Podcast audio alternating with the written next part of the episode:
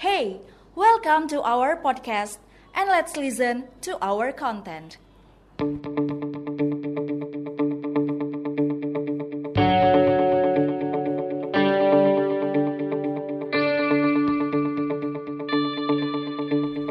Well, now you're listening Millennial Talks, presented by Notesante Notutura Podcast.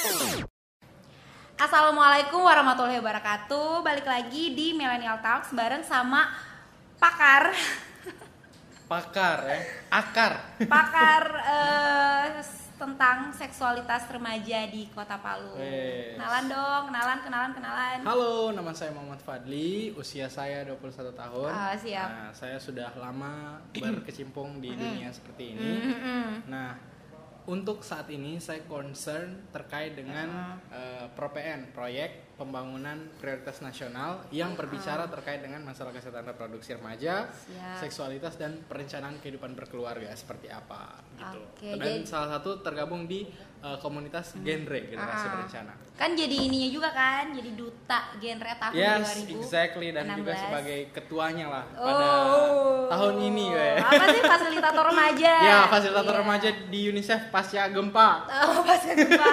Pasca Tapi gempa kemarin kemarin. saya kan sempat lihat Instagram lah kan. Iya, iya, ya, betul, ada betul. duta duta apa sih duta, duta baca. Eh, duta Duta apa? pariwisata. duta pariwisata. Iya. Oh, duta yes. pariwisata. Yes, betul. Oke. Ah. Eh, apa ya? Apa ya? Oke, eh, sekarang kesibukannya? Kalau sekarang kesibukannya karena saya fresh graduate, Mm-mm. jadi untuk beberapa hari ke depan saya mempersiapkan diri untuk pemilihan putra putri pariwisata tingkat Oh. nasional. Jadi mohon doanya Oh, juga amin. mumpung mumpung sekarang lagi ya, berarti. ya Oh, Sulawesi Tengah untuk pemilihan tingkat nasional. Oke. Ya, semoga membawa Ah, ah. nama harum Sulawesi Tengah seperti eh, gaungan dari sini harum didengar di mana-mana. didengar harum apa tuh? Oh, Iya. semoga nanti inilah terpilih dukung. Itu pakai. SMS. Kalau untuk nanti metodenya akan saya Oh, share. oke, Jadi oke. selain nanti teman-teman bisa Ah, vote, ah, teman-teman ah. juga bisa bantu doa. Oke, nanti kita bantu doa setiap hari. amin amin amin. Oke, eh, langsung eh, ke sex education. Sebenarnya Hmm. apa itu sex education? Nah, sex education adalah pengetahuan bagaimana kita memberikan edukasi, Mm-mm. apalagi untuk remaja sebagai peer educator Mm-mm. untuk teman-teman sebayanya. Nah, berbicara tentang seks, seks itu sebenarnya adalah dari bahasa Inggris. Mm-mm. namanya jenis kelamin. Tapi kalau misalnya kita berbicara tentang seks, bukan hanya tentang jenis kelamin, Uh-uh. tapi mulai dari indeks pengetahuan masa subur kita.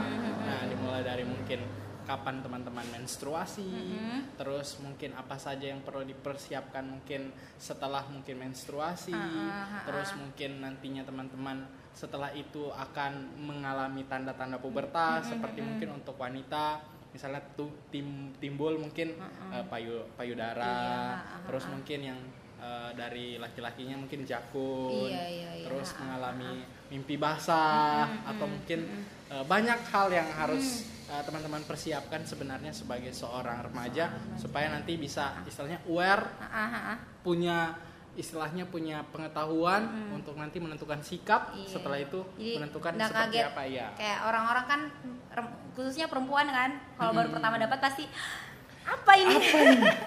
kaget gitu. Menurut Fadli Ah, selama ini betul. eh, di Kota Palu terutama Hmm, kan, Kota Palu.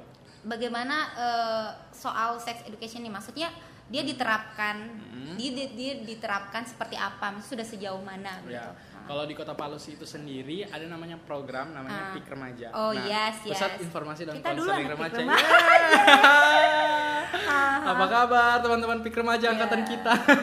kita nggak perkenalkan salam genre Iya, salam genre sebentar aja. Oh, iya, Oke. betul. Ha. Nah, untuk dari Kota Palu itu sendiri atau mungkin yang ada di Indonesia lah. Nah, ada skup namanya organisasi namanya PIK Remaja. Nah. Pusat Informasi dan Konseling Remaja Iya. merupakan wadah Mm-mm. dari eh, remaja untuk remaja sehingga nantinya teman-teman bisa menyuarakan bisa memberikan pengetahuan, Ah, keterampilan ah. seputar masalah-masalah kesehatan reproduksi Iya. seperti sex education, terus indeks pengetahuan masa subur.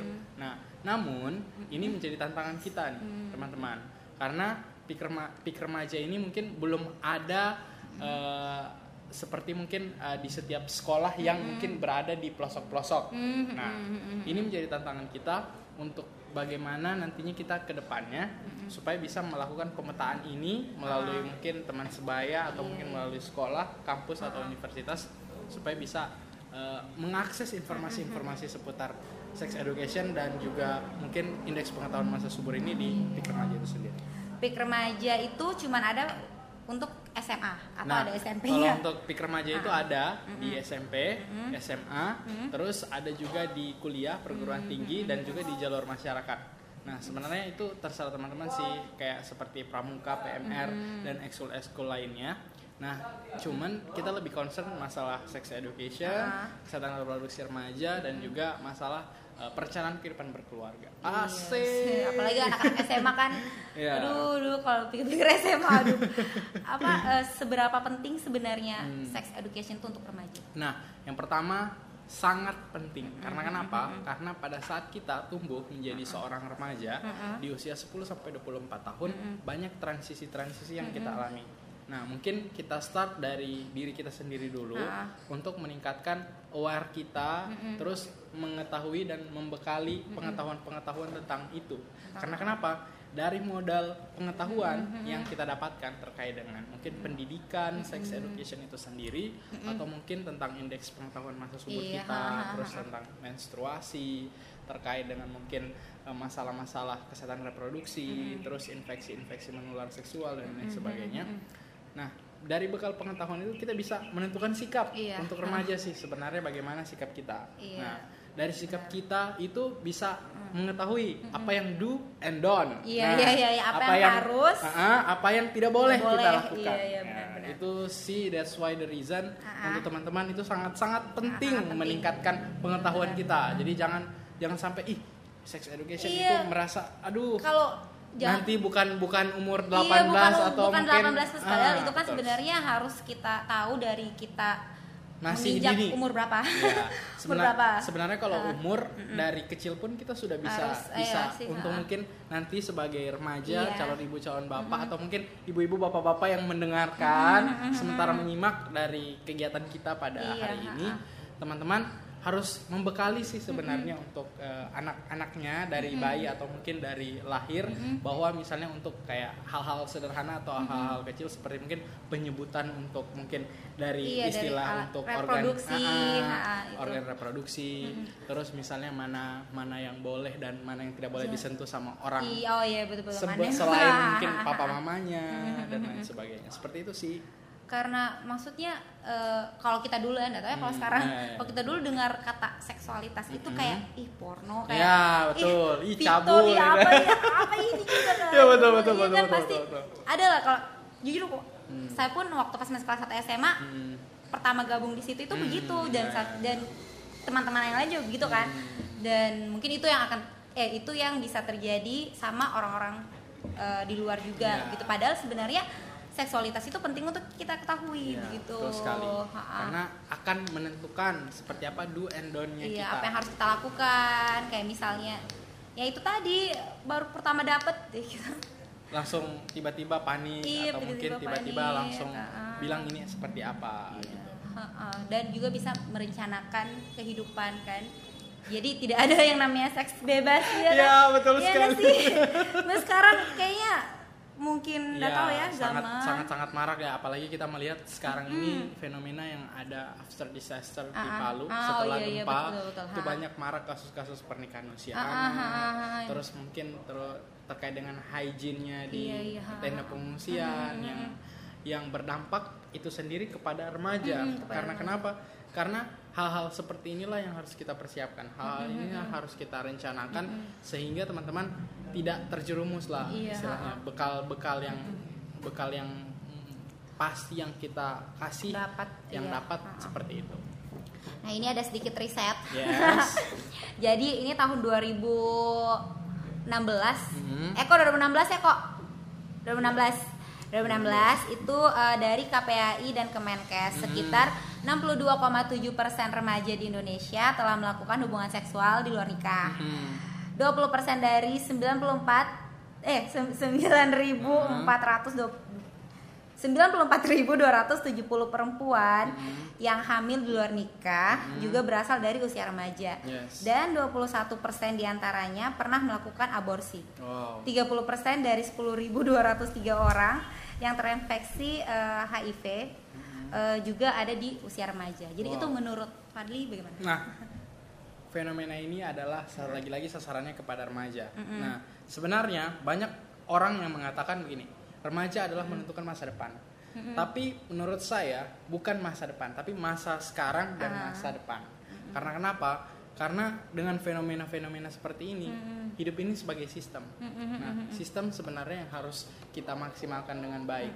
Dari kasus-kasus yang tadi yang mungkin berdasarkan data dari Kemenkes, terus berdasarkan data dan referensi yang lain, perlu adanya yang pertama adalah keluarga. Hmm, Nah, keluarga. keluarga yang pertama dan utama dalam membina anak-anaknya untuk bisa mengetahui dan juga bisa mengontrol dan bisa istilahnya bisa merangkul agar tidak terjerumus dari hal-hal tersebut. Nah, terus yang kedua, ada yang bilang kak kalau misalnya saya tidak punya keluarga, terus misalnya kalau saya Iya, berasal iya, dari iya. broken Ah, home iya, dan iya, lain benar. sebagainya seperti apa?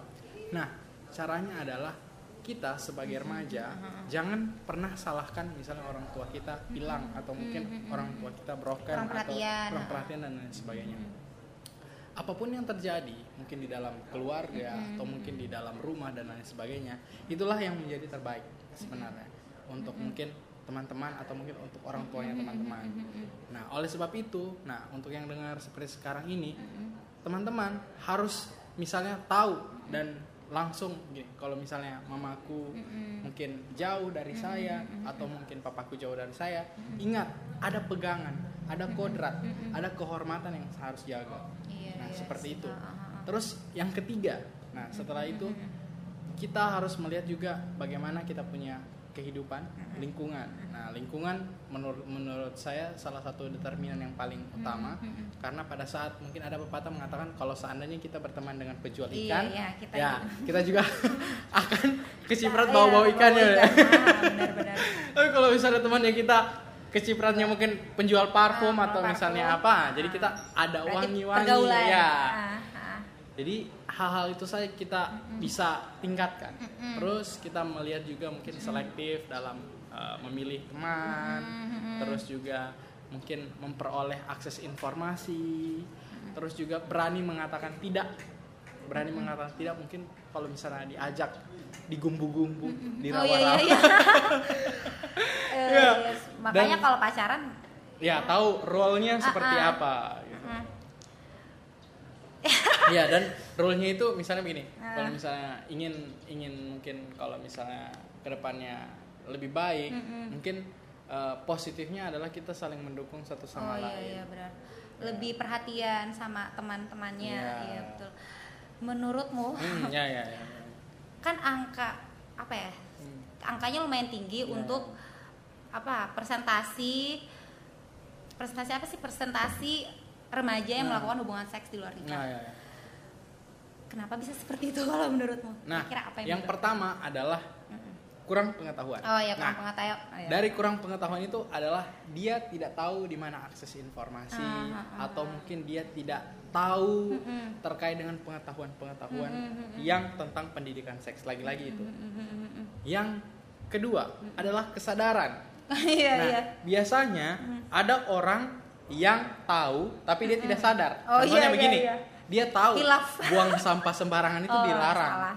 Tapi dia tetap buang sampah. Ah, ah, nah, ah, itu. ah. Yang kedua kesadaran. Iya, iya, kesadaran. Terus yang ketiga adalah kurangnya mungkin eh, ak- akses fasilitas Ah, ah. atau mungkin dari orang-orang dukungan, orang-orang di sekitarnya atau mungkin lingkungannya seperti apa.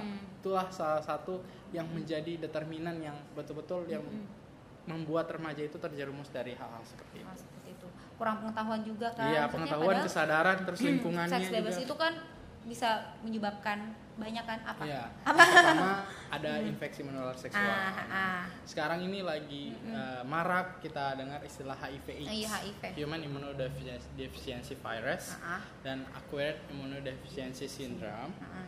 yang mana ini menyerang orang yang sering jajan seks sembarangan. Hmm. Nah, jajan seks Iya. orang jajannya Jajan, somai iya. dia jajannya seks jajannya jajannya yang lain Nah. ke atau mungkin jajannya yang Yes, yang ah, yang bikin menguntungkan begitu buat dia. Nah, terus itu terus Ah.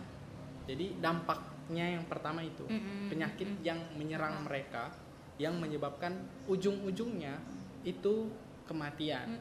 Karena kenapa? Karena saat ini penyakit HIV AIDS sangat sulit disembuhkan. Mm-mm. Tapi HIV AIDS hanya bisa diperlambat virusnya Mm-mm. melalui ARV anti Iya, pin, an- eh, pin, iya. pil. Iya, pil antiretroviral. Berarti itu yang belum bisa dibilang belum ada obat paten Iya, gitu. betul sekali. Dan itu berbahaya sekali untuk terutama untuk remaja Iya, kan. betul. Ha-ha. Terus yang kedua, dampaknya, dampaknya dalam segi mungkin sosial, ah, psikis. Iya, iya, ya. betul betul.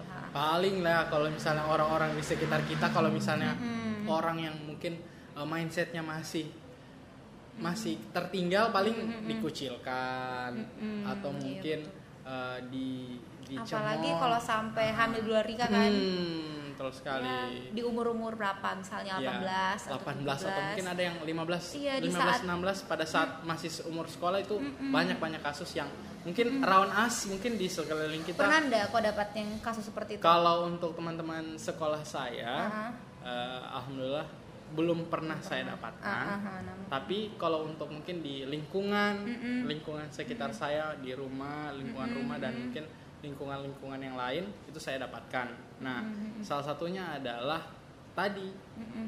pengetahuan sex education Iya, itu belum, masih masih, masih iya. sangat Ah, ah, minim itu sih teman-teman yang harus kita bisa tingkatkan Iya, iya, menur- ah, ah, ah. menurut menurut saya dimulai dari hal-hal kecil lah Iya. untuk lingkungan yang kecil Heeh. Itu Dari- bukan hal-hal porno sebenarnya. Iya, Jadi betul jangan sekali. langsung dipikirkan, eh, waktu padahal itu kan maksudnya kita ndak lari ke situ, Iya. bukan itu intinya. tapi yang harus kita tahu adalah Ah, ah. bagaimana pencegahannya Mm-mm. terus bagaimana cara kita mengendalikannya terus apa dampaknya Iya, iya, iya. terus mungkin apa yang kita bisa lakukan mungkin sebagai peer educator atau teman sebaya Iya, iya, betul, betul. atau mungkin peer konsultan Jadi, atau ah, konselor eh, sebaya. kon- iya, Uh, betul sekali Kira-kira Ah. menurutmu gadget sama media sosial itu punya andil tidak untuk membuat tingkat eh, melakukan seks bebas ini seperti saat ini? sangat-sangat punya andil. Ah, ah. Nah, dunia digital mengalami penetrasi yang sangat kuat Ah, ah. seperti sekarang ini di mana kita saja membuka handphone dan membuka beberapa menu yang ada di internet maupun yang ada di sumber-sumber yang lain bisa kita akses. Nah, oleh sebab itu peran media dan juga mungkin peran eh, konten-konten dan Iya, juga mungkin. Situs-situs yang ada di internet itu bisa mendorong dari perilaku-perilaku remaja mulai dari mungkin adanya mungkin tontonan, Ah, iya, yang tontonan. ya teman-teman sendiri tahulah Mm-mm, mungkin sekarang. dari manusia manusia-manusia yang seperti sekarang Iya. ini sudah sudah bisa mengaksesnya Ah, ya ah, ah, betul. mungkin eh, di akun tertentu Ah, atau mungkin di satu website yang ya sudah ada di internet ya Jadi maksudnya selain dari kita sendiri, maksudnya udah terlalu mengha- mengharapkan apa sih pengawasan dari orang tua, Hmm. tapi harus ada kesadaran dari Ya, kita well. juga kan. Gitu. Jadi maksudnya asal tidak diperhatikan, dibiarkan saja. Ja, jangan jangan gitu Iya, lah. betul. Maksudnya Jadi, nah, Ah. teman-teman untuk saat ini yang sedang mendengarkan, Mm-mm. kalau misalnya mm-mm, sebenarnya bekalnya adalah mindset, mindset ha, ha, cara pikir, cara pandang. Kalau seandainya misalnya cara pandang atau paradigma kita Mm-mm. terkait dengan sex education itu s- memang betul-betul penting dan memang betul-betul ini menjadi kebutuhan saya Ah, ah, ah. dan menentukan saya ke depannya seperti apa mungkin bertindak, berperilaku, Iya, iya. terus mungkin bagaimana caranya kita nantinya kayak misalnya mencegah dan Ah, menanggulangi ah, ah, ah. adalah menanamkan sebenarnya mindset itu. Teman-teman sangat beruntung lah mendengar ini. Iya sekarang. dong. ya, yang pertama teman-teman harus perbaiki adalah untuk berubah adalah mindset, sih Mindset. sebenarnya. Oh, iya, iya. Kalau seandainya teman-teman punya mindset yang kuat, mindset yang betul-betul uh, bisa se, se- sekuat baja lah istilahnya, Iron Woman atau Iron Man Iya, gitu. iya, iya, iya, betul. Pasti teman-teman dalam bersikap, bertingkah laku, terus punya keterampilan, punya skill dan mengetahui apa roadmap seperti apa dan do and don't yang kita lakukan Iya, ke iya. depannya seperti apa gitu. Ini Fadli, kok merasa tidak kalau misalnya Hmm. un- mungkin untuk zaman sekarang Nah, apa seks bebas itu malahan kayak dipandang keren atau Hmm. kayak wih gitu. ya. Merasa tidak atau maksudnya pernah dengar kasus yang seperti itu Ka- gitu. kalau untuk uh, orang kembali lagi adalah mindsetnya mereka Ah, gitu. ah, ah. biasanya orang yang punya mindset seperti itu adalah orang-orang yang sudah terbiasa Mhm, ya mhm. terbiasa mungkin American istilahnya istilahnya kalau untuk mengkonsumsi sesuatu mereka sudah terbiasa dan Iya, iya. merasakan itu ah, ini menjadi hal yang ya cuman begitu saja kayak begitu Kalau menurutmu itu bagaimana? Nah, kalau menurut saya itulah sama sekali yang tidak patut dibanggakan. patut dibanggakan, iya, Tidak iya. patut ditiru dan tidak patut dicontoh. Seks karena bangga. karena saat ini teman-teman akan Ah, ah. merusak, merusak istilahnya begini. Gelas atau mungkin piring kalau misalnya sudah pecah itu tidak ada harganya. Yes. Eh, betul betul betul. ya. Malahan akan diskon Iya. 50%. Nah, lu ya diskon 50 jadi murah. Iya, iya, betul betul. apa betul. namanya eh, itu berpengaruh tidak sebenarnya kalau untuk melakukan seks di hubungan di umur-umur yang harusnya tidak melakukan itu itu berpengaruh tidak sama sistem reproduksi Ya, dia? sangat-sangat berpengaruh. Oh. Karena kenapa? Karena di usia di bawah dari 20, 21 atau 20 itu organ reproduksi menurut ilmu kesehatan. Karena saya adalah seorang bachelor of Iya public iya health. iya iya iya. Nah, ilmu kesehatan mengatakan Ah. bahwa di usia di bawah dari 20 tahun itu organ reproduksi kita masih sementara berkembang. Nah, kebayang kalau seandainya misalnya ini saya analogikan seperti mungkin mangga. Nah, mangga apabila mungkin uh, masih masih muda rasanya apa? Apa? Kecut. Asam, ya, Ah, kecut. ah. Nah, oleh sebab itu kesiapan hal inilah yang ya, menimbulkan belum. faktor-faktor risiko. Nah, faktor-faktor Ah. risiko seperti mungkin uh, berat bayi lahir rendah, Oh, terus pinggul yang sempit Ah, karena ah, ah, pada saat belum- itu kan belum siap. kuat, Ah, belum, ah, belum siap. siap. Terus ada juga misalnya mungkin uh, pere- perdarahan karena mungkin belum juga segala sesuatunya belum siap lah dari segi Belum usia matang. belum matang seperti Sebenarnya itu. kalau untuk usia wanita dan laki-laki siap untuk menikah atau itu kan relatif. Iya, iya, iya, betul, untuk betul, dari segi kesehatannya Nah, lah. nah itu berapa untuk sebenarnya? untuk segi kesehatan, nah saya mengutip dari BKKBN. Ah, ah. Nah ini adalah program menyarankan mungkin uh, untuk remaja. Iya. Karena kenapa? Karena di usia 21 tahun untuk Ah, ah, wanita dan 25 tahun untuk pria itu adalah usia yang sangat ideal teman-teman untuk melangsungkan pernikahan. Karena ditinjau dari banyak aspek. Nah yang pertama adalah aspek kesehatan, yang seperti saya bilang tadi aspek kesehatan reproduksi. reproduksi. Ah. Terus selanjutnya aspek pendidikan. Ah, ah. Nah, aspek pendidikan ini kita melihat orang usia 21 tahun kebanyakan dia sudah eh, S1. Nah, S1, setelah S1 ekonomi ya. ekonomi. Nah, ekonomi. Nah, pada saat dia usia 21 tahun istilahnya dia sudah bisa mungkin walaupun eh, masih start atau mungkin sudah bisa cari-cari kerja Oh, iya, yang mungkin bisa sesuai dengan mungkin disiplin ilmu dia. 21 tahun untuk laki-laki perempuan atau Iya, beda 21 dari tahun laki-laki untuk perempuan? perempuan. Perempuan. Nah, ini masih perspektif perempuan Iya, sebenarnya. oh iya iya. Setelah itu ada namanya aspek psikis. Nah, aspek Psikis, ah, iya, psikis iya, dia sudah istilahnya matang. Ya, Kalau untuk mungkin dengan daily activity-nya di Iya, udah rentan labil, ah. usia 21 tahun dia hidup di Iya, dunia iya, ini betul, dia betul, sudah ah. mengalami uh, pasang surut Iya, iya, betul. mungkin Jadi- uh, berteman dengan Iya. seseorang. Jadi ndak labil. Ya, kan? betul sekali. Nah, selanjutnya untuk usia 25 laki-laki memang betul-betul sudah mapan. Laki-laki Mungkin- 25 tahun. Ya, mungkin pada saat itu eh, laki-lakinya sudah punya pekerjaan yang tetap Mm-mm. atau mungkin sudah S2 dan lain Iya, sebagainya. iya.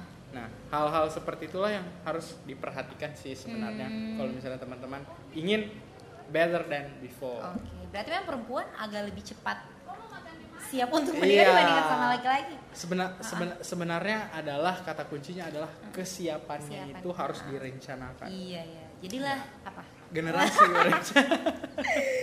Iya, biar ini. Tapi kemarin pernikahan dini setelah bencana itu dengar. Nah. Kak? dengar kan? Itu kan lagi booming. Nah, lagi booming. Ah, ah. Nah, pernikahan ini pada saat uh, setelah, Setelah, selesai ah, bencana ah. ini adalah kenapa? Saya salah satu fasilitator remaja yang ada Ah. di uh, Pasigala ini Mm. uh, dan sudah istilahnya mengetahui lah bagaimana kondisi di lapangan dan berteman dengan anak-anak yang ada di Huntara maupun yang ada di tenda. Saya tanya kenapa kenapa sampai kamu misalnya banyak memutuskan terjerumus dengan hal-hal yang negatif. Contohnya misalnya sep- seputar pernikahan. Ini, seks bebas dan kenapa? Dan mungkin eh, masih banyak lagi. Saya tanya kenapa mereka mengatakan bahwa mereka tidak nyaman di tenda ataupun di Huntara. Nah, ketidaknyamanan ini mem- membuat mereka melalang buana ke sana kemari. Nah, kalau misalnya bahasa Palunya baku bawa lari. Bapontar, bapontar. Iya, bapontar. Akhirnya tidak betah, kontrol orang tua susah, terus mungkin mereka mereka handphonenya, HP dan lain sebagainya tidak ada. Jadi istilahnya masih masih masih masih masih masih lengang gitu. Iya iya. Tapi kemarin banyak kasus. Kalau kasus ya Iya. beberapa saya temukan karena hal itu tadi biasanya karena pasca gempa ini kan eh, rumahnya mereka dan lain sebagainya jadi istilahnya hal-hal seperti berkaitan dengan mungkin kenyamanannya mereka untuk bersandar iya sih, ha. atau mungkin orang tuanya mereka yang sudah tidak ada atau mungkin dengan lingkungannya mereka yang mendukung Malah ada sampai sebagainya. pengintipan juga. Iya, itu masuk di pelecehan ya, Ah. pelecehan dari beberapa orang yang mungkin eh, memanfaatkan ya. Padahal kita dalam kondisi yang bencana, kondisi yang Yes. berduka, tapi masih ada juga orang-orang yang memanfaatkan dari Mm. hal-hal tersebut. Soalnya kan di Huntara itu apa namanya kamar mandinya gabung kan Iya, laki-laki tidak betul. bisa. Jadi bisa jadi kalau kayak kita kan perempuan mandi terus tiba-tiba ternyata di sampingnya ada orang Hmm. Iya. mandi apalagi itu kayak bapak-bapak all all tidak nyaman lah apalagi kalau misalnya keluar pakai handuk tiba-tiba ada orang-orang nongkrong iya Hmm, betul kali. sekali, betul sekali, betul sekali. kan. kalau menurut uh, Fadli kira-kira Hmm. pencegahan apa yang bisa kita lakukan atau misalnya mungkin untuk pemerintah atau Hmm. swasta atau dari kita juga Hmm. supaya menurunkan tingkat uh, ya angka. dari iya angka entah itu dari pelecehan seksual yang ada di Huntara Hmm. atau ya dari remaja sendiri yang secara umum Nah, pencegahannya kita kita lihat adalah dimulai dari diri sendiri. oh, selalu Nah, iya. selalu diri sendiri adalah yang pertama saya bilang tadi adalah teman-teman mindset. Kalau seandainya cara berpikirnya teman-teman itu mungkin bisa mengetahui do and don't, Mm-mm. teman-teman bisa mengatakan berani mengatakan tidak, Tidak. dengan hal-hal tersebut. Ah, ah. Terus mungkin saran yang saya kasih kepada pemerintah Ah, ah. adalah meningkatkan regulasi atau meningkatkan kebijakan atau aturan yang berhubungan dengan hal-hal hal-hal misalnya usia perkawinan. Mm-mm. Nah, misalnya untuk undang-undang ditingkatkan Oh, dari iya. mungkin Peraturannya. 16 tahun jadi mungkin dinaikkan menjadi 20 tahun atau 21 tahun. karena melihat kesehatan Ah. tadi itu kan Ha, kesehatan ha, tadi itu. Terus eh, mungkin saran juga pencegahannya dari orang tua juga. Biasanya begini, pernikahan ini biasanya bukan cuman gara-gara dia tidak tahu, Heeh. tapi orang tuanya yang mendorong. oh Nah, iya Biasanya remaja sudah dibekali dengan pengetahuan-pengetahuan mungkin sex education, terus mungkin misalnya dibekali dengan masalah-masalah kesehatan reproduksi, terus dibekali dengan hal-hal yang berhubungan dengan kes cash pro itu Iya, sendiri. cash Tapi biasanya orang tua yang memutuskan ini anak, kau Oh. menikah, kalau tidak menikah, awas memang kau dikurung. Nikah saja bisa lagi nih Ya. Maaf sekali nih Nah, Ya, itu sih sebenarnya. Jadi kalau misalnya alasannya tentang ekonomi atau mungkin tidak mampu membiayai, bicara baik-baik begitu. Tahu apa yang terbaik untuk saat ini dan di masa yang akan datang. Saya rasa kalau misalnya setiap remaja ingin untuk meningkatkan usia kawinnya atau ingin meningkatkan pendidikannya, saya rasa dia akan berusaha bagaimana caranya, walaupun mungkin dia tidak bisa membiayai dirinya, at least dia bisa menghidupi dirinya Iya sendiri dengan keterampilan-keterampilan atau soft skillnya sendiri bisa. bisa berdaya lah walaupun cari dimulai beasiswa. dari yes Hmm. dimulai dari hal-hal kecil untuk lingkungan yang kecil seperti itu sih sebenarnya apa eh, untuk sex education itu bukan cuma untuk kita saat ini tapi juga Ya, untuk kalau kita investasi sudah di masa, ya, ya kita sudah tahu oh, mama sudah pernah belajar jadi kamu dan kan? harus betul-betul kita berikan pemahaman mindset cara berpikirnya teman-teman ini Iya. adalah bagaimana bisa kita melaju ke depan bagaimana Indonesia ini sesuai dengan tagline untuk Indonesia Iya saat sih. ini di usia 74 bagaimana Ah, sumber iya. daya yang Ah, unggul daya unggul. untuk Ah. mendorong Indonesia maju karena karena karena Iya. sangat apalagi di Indonesia Hmm, kan betul, misalnya betul, Indonesia betul. tidak kayak luar negeri sudah lah Hmm. kita bicara soal Indonesia saja Iya, iya, betul. terutama di kota Palu jangan sampai karena seks bebas itu jadi malah cita-citanya tidak jadi Mm-mm. atau kayak terus juga mungkin eh, pendidikannya terganggu. Hmm, pasti semua orang punya cita-cita ya kan? angka kemiskinan di kota Iya. Palu semakin bertambah. Terus mungkin terkait dengan lapangan pekerjaannya Iya juga semakin malah bisa jadi eh zalik maksudnya kekerasan rumah tangga kan ya karena belum matang tadi itu. betul sekali. Aduh sudah kayaknya pertanyaan ya ya ya ya ya, ya, ya. oke terakhir ada pesan untuk remaja? Nah terakhir adalah jadilah remaja yang berencana. Oke siap. Karena kalau terencana semua pasti jauh lebih mudah. Iya, Eh. kan ini perlu kayaknya ini. Iya, iya, iya. Ini, ini, ini, ini Iya, apa betul, maksudnya betul, betul, ini? Apa nah, maksudnya jadi ini? perlu yang pertama Ah. adalah sex education. Yang tadi adalah pengetahuan, indeks pengetahuan masa suburnya teman-teman, mulai dari masih bayi Ah, atau mungkin masih dini teman-teman sudah dibekali atau mungkin adik-adik atau mungkin ponakan sudah dibekali misalnya Ah. apa yang do and don't terus misalnya ada saya punya lagu sih sebenarnya yang bisa bisa bisa Oh, mengedukasi coba, coba, ya, coba, ya, ya, coba. bisa, Kayaknya bisa. saya tahu lagu yang ini. pertama Ah. Ba- misalnya kalau untuk dari uh, Ah, early ah. untuk Mhm. yang paling dini dini Ah, ah. untuk mengenalkan Ah, ah. hal-hal pokok untuk Iya, iya. misalnya sex education Ah, ini ah. adalah bagaimana kita bisa mengantarkan ponakan atau mungkin uh, teman-teman kita Iya. untuk bernyanyi Mhm. seperti misalnya yang Oke. pertama adalah Mhm. satu mulut saya tak boleh disentuh Oh. dua dada saya tak boleh disentuh selangkangan saya tak boleh disentuh juga pantat saya tak boleh disentuh. Oh, Eh, iya, ayo biar kita nyanyi sama-sama. Iya, edukasi. Oh, edukasi Oh, untuk anak-anak TK.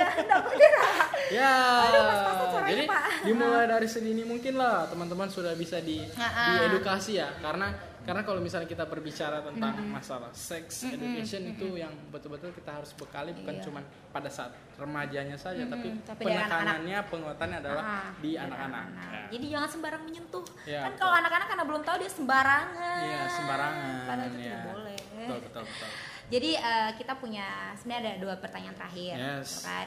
Heeh. Apa yang Fadil rasakan selama tinggal di Kota Palu? Ya dengan mungkin rutinitasmu atau kayak ya apa yang kau rasakan selama ini? Iya, yang saya rasakan di Palu adalah Palu bertransformasi yang sangat menakjubkan. Oke, ya. Yang pertama transformasinya melalui infrastruktur ya. Selanjutnya transformasinya berubah pasca gempa. Setelah negara api menyerang. Terus yang kedua transformasinya saya melihat beberapa sumber daya manusia dari Kota Palu sudah beberapa anak-anak muda Unggul. kece ya sudah bisa mendobrak ya panggung bukan cuma panggung-panggung nasional tapi panggung-panggung internasional dan karya-karyanya mereka itu sudah banyak diakui Uh-uh. oleh teman-teman eh, dari mungkin eh, lomba komunitas. Nah harapan saya untuk teman-teman yang ada di Kota Palu adalah kita mungkin tinggal di Kota Palu harus punya jiwa yang kompetitif. nah karena dari jiwa kompetitif itu kita terus bisa meningkatkan kualitas kualitas Jangan mau kita. kalah Ya, sama jangan kota lain ya, dong. betul. Masa Jakarta Jakarta terus. Iya masa Jakarta, tapi Jakarta. kali-kali Palu lah. Ya betul betul betul. Topalu, Mm-mm, ya kan? Topalu, Tokaili. Tokaili.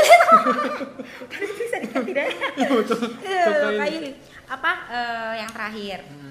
Pendapatnya Fadli soal konten kreator. Nah, pendapat pendapatnya saya tentang content creator adalah Ah, mereka ini adalah influencer. Ah, Nah, ah, influencer oh, bisa- bagaimana? bisa dibilang Iya, influencer, influencer. ah. Asal bukan influenza ya. Oh iya.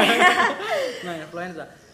Influencer. Influ- nah, influencer Ah. bagaimana konten edu konten kreator ini memproduksi konten-konten yang yang betul-betul bisa berkualitas yang bisa mengantarkan remaja-remaja Mm-mm. untuk memberikan inspirasi do- dorongan atau motivasi ke arah yang lebih baik. Mm-mm. Karena kenapa? Karena dari konten creator mereka adalah ujung topak memproduksi informasi. Jadi corong informasi itu adalah di konten-konten creator. iya, ha, ha. Seperti mungkin di Kota Palu sudah saya lihat sudah banyak konten-konten creator yang Oh, iya, memproduksi iya, iya. mungkin dari segi video blog, terus mungkin dari segi-segi foto dan lain sebagainya. Ada yang menulis juga. Ya, menulis. Nah, buatlah hal-hal yang sederhana tapi bisa menginspirasi untuk remaja-remaja yang lain. Apa yang lain? Mantap. Mantep. Supaya tidak lari ke narkoba. Ya, dari tidak seks lari bebas, ke seks bebas. Aduh. pernikahan dini dan Ah, lain ah. sebagainya. Iya, tepat sekali.